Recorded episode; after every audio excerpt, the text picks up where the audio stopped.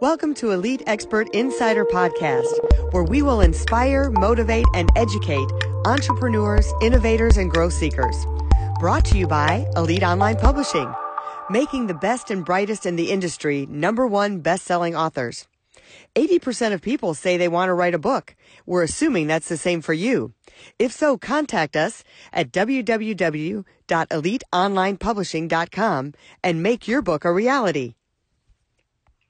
Hey, it's Melanie Johnson here with another great podcast, Elite Expert Insider, with my friend and co-partner in Elite Online Publishing. Hey, Jen, how you doing? Doing great. It's a beautiful day today. Sunshine everywhere. All right. Even if it's not sunshining where you are, you can make your own sunshine.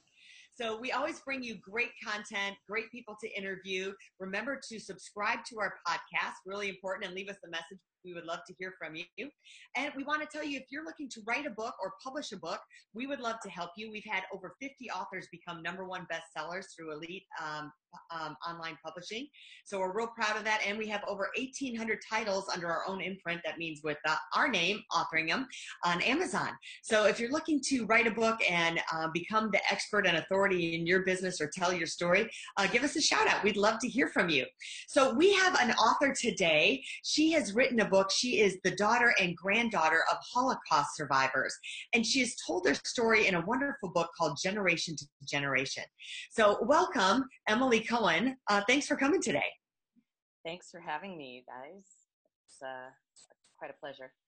Great. Well, tell us a little bit about yourself and how you came about to writing this awesome book.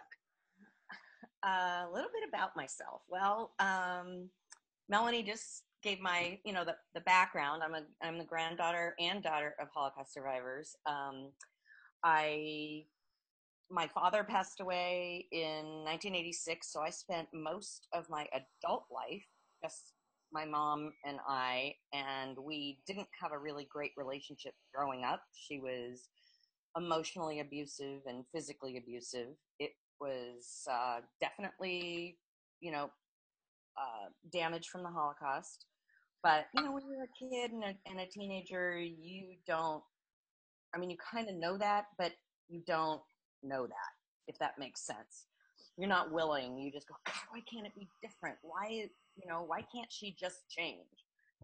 So, um, you know, I spent about 50 years um, under that, and she had a long, slow decline, so slow that I just was like, God, she's never, I mean, she's just strong as an ox. She's going to keep going. And then all of a sudden, passed away. And then I didn't know what to do.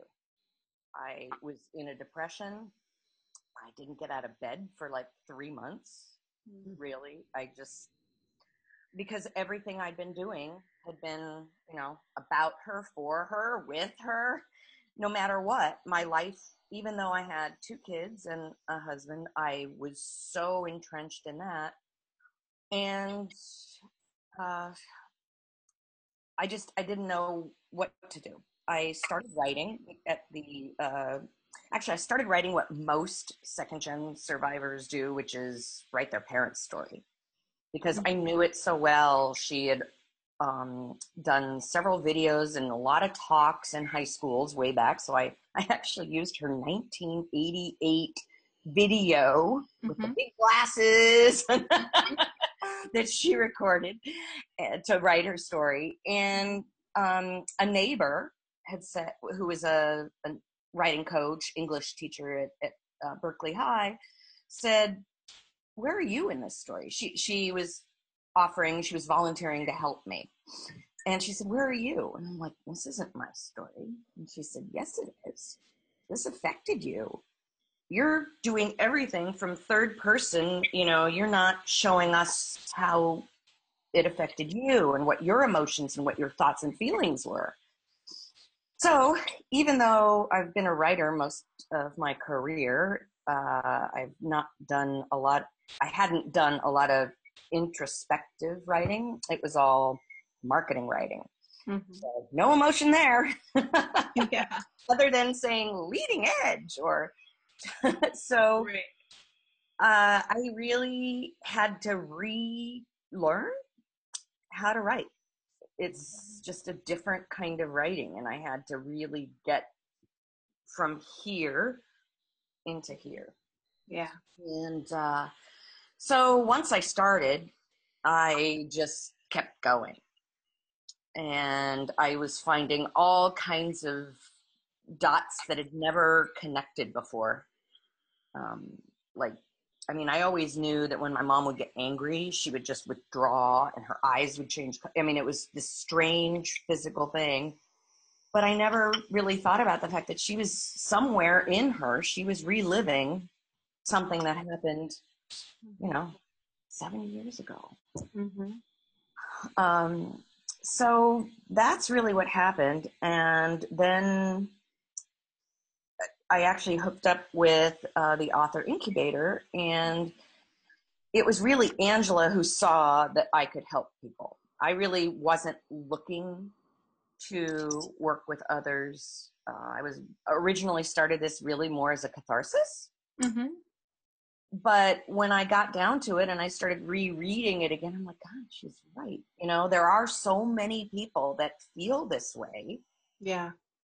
And so that's here's where I am now. And I, I run workshops. I've done some one on one coaching, but I do a lot of workshops that help other second and third generation survivors write their parents' story with their angle on it, their opinion.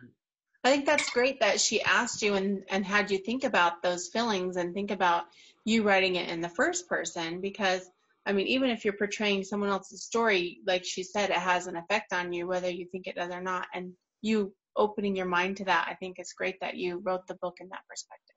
Yes. Yeah, and I don't know if you read the very end of my book is my mom's story, and I I start writing it in my voice, and then I switch. There was just one point where it felt like, you know, this needs to be her voice. Mm-hmm. And I love how you're taking your book that we tell people when you become an author, don't expect to become a millionaire from your book sales. But what really you're doing is taking that and figuring out how to help people on other levels. So I love that you're helping other people to tell their story through your book and the process that you went through. So I think that's that's really important. Um, walk us through how you discovered that and um, that became part of the plan of the book. How I discovered that I can help people. Yeah. Um, well, what's what started happening uh, even before the book was out? I was, you know, there.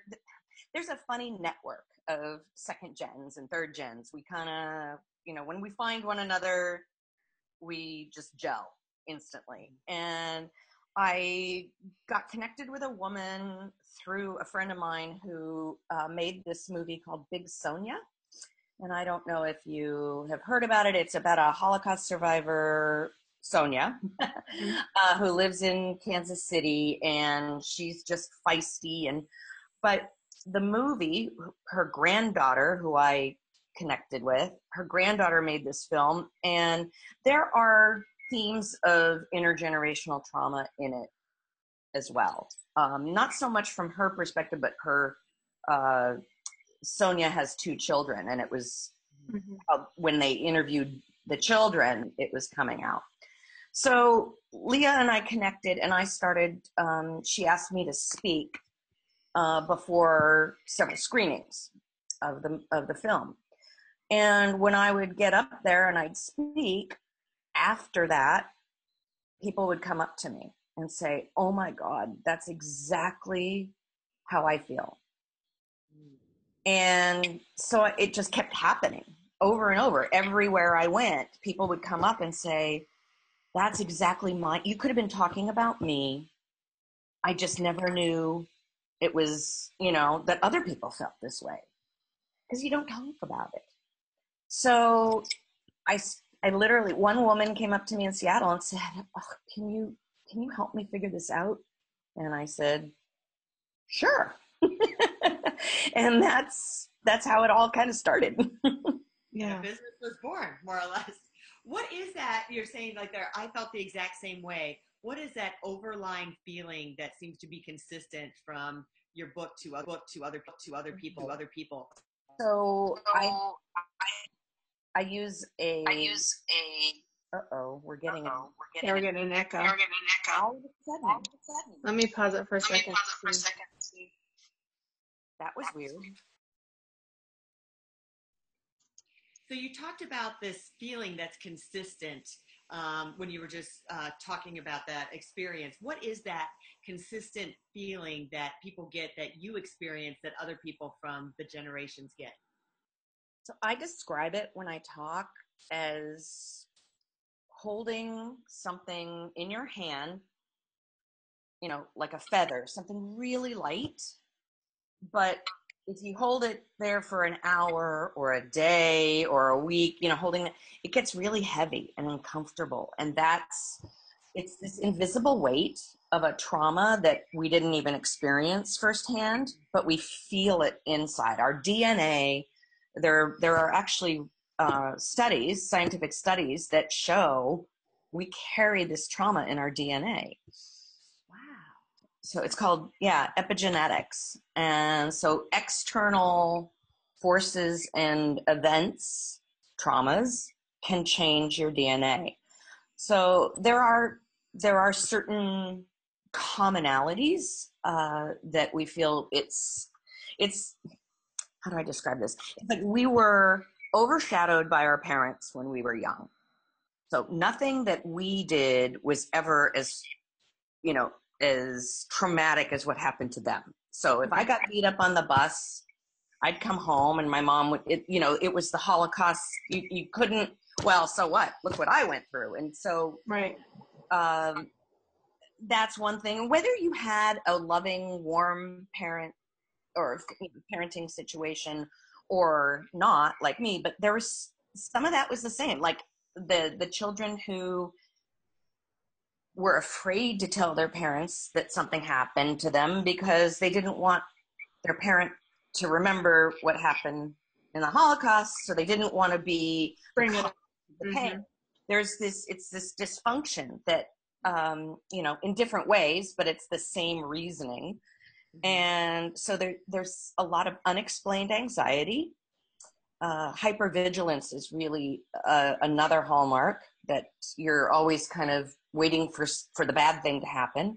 Uh, I have clients who tell me that they they can't physically can't give a friend or anybody their address because they're afraid that somebody that they don't want anybody to know where they live because the Nazis might come get them. It's Mhm. it's all these inherited feelings because we didn't experience that ourselves, but it's coming down from our parents, our grandparents, and we just we feel it.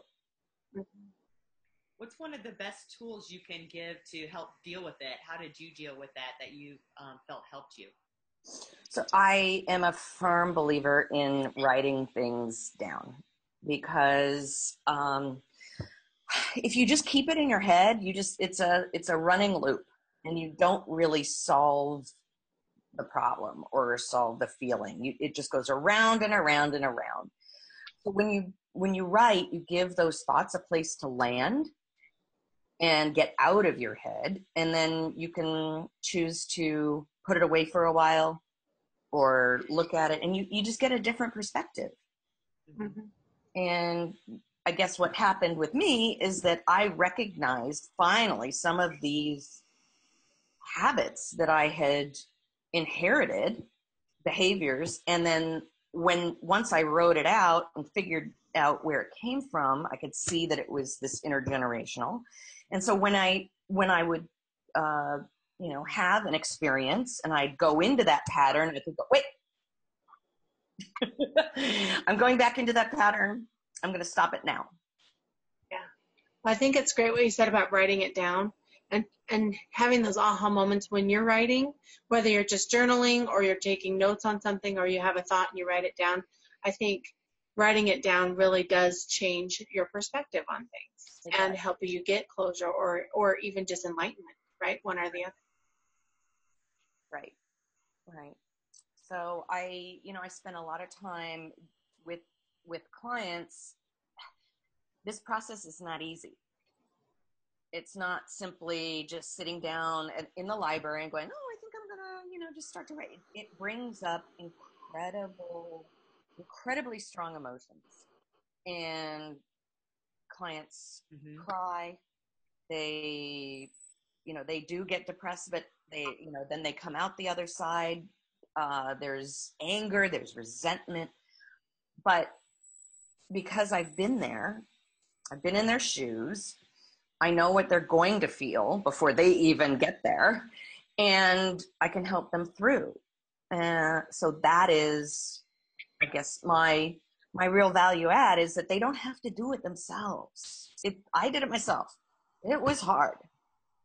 It cost me my marriage. It cost me, you know, my family. But I am a better person now, much more stable. In fact, I talked to a girlfriend yesterday. She goes, God, you are just so different. And I, I know I am. I'm calmer. There's not this frantic, frenzy, anxiety. I remember I hated feeling like that. Nobody wants to feel that way. Excellent. I'm so glad that you wrote this book and you have these new this new experience now. And so now that you have your book, are you speaking on stages? Tell us a little bit about what are you what you're doing with your book. Yes, actually, I am speaking on on stages. Uh, I am been going to a lot of uh, Holocaust education weeks. Uh, Toronto has one. There are lots of different places. I was just at the U.S. Holocaust Memorial Museum in D.C. two weeks ago. They have my book in the in the bookstore. That was quite exciting. That's awesome. And I did an author signing which Mhm. was on my vision board two years ago. Yeah. Um, so I've been speaking there. I am also, uh, I've been curating uh, a panel. And the reason I use curate is because it will be with different people in different cities. It will be with local people. I'm, it's debuting at the 92nd Street Y in October. And what it is, is a multi generational panel. So it's never been done before. It's a survivor, a second gen, a third gen, and a fourth gen. And so I had to work around the fourth gen's bar mitzvah for this because he's 13 Awesome. um, but it's it's the first time anybody's ever pulled that together and i'm really really excited about that and i'm trying to put i'm in the process of pulling it together for different cities Awesome. And where can people go to find more about that and get the all the event information as well as learn more about you and hire you for your services? okay so my website is traumahealingcoach.com and uh, i have a, a speakers tab in there. They can find my all where i'm speaking. They can find the panels versus where i'm speaking on my own. And they can also find out about my workshops uh, so that they can go through this healing journey with someone who's been there. Awesome. Well, we'll put that link up at the bottom and make sure people can find that and also put it in our blog post with this podcast as well. okay Terrific. Thanks for stopping by today, Emily. Um, and make sure you subscribe to this podcast because we always have some great people on, and we want to make sure that you're on top of it and can come visit us every time we have a podcast once a week. So if you're looking to become an author and write a book about your business or your personal life, we'd love for you to contact us at eliteonlinepublishing.com and you can submit a form right there. And uh, we would love to make you one of our 50 plus authors that have become number one on Amazon. We'll see you next time right here at Elite Expert Insider. Bye. bye If you'd like to create the most powerful advertising tool for your business, contact us at eliteonlinepublishing.com, where we will help you create, publish, and make your book a number one bestseller and show you how to get new leads and more revenue for your business. If you'd like to check us out on our Facebook page, we have a free book for you as our gift. Just go and click free book. Remember to subscribe and leave a comment for our podcast. We would love to hear from you.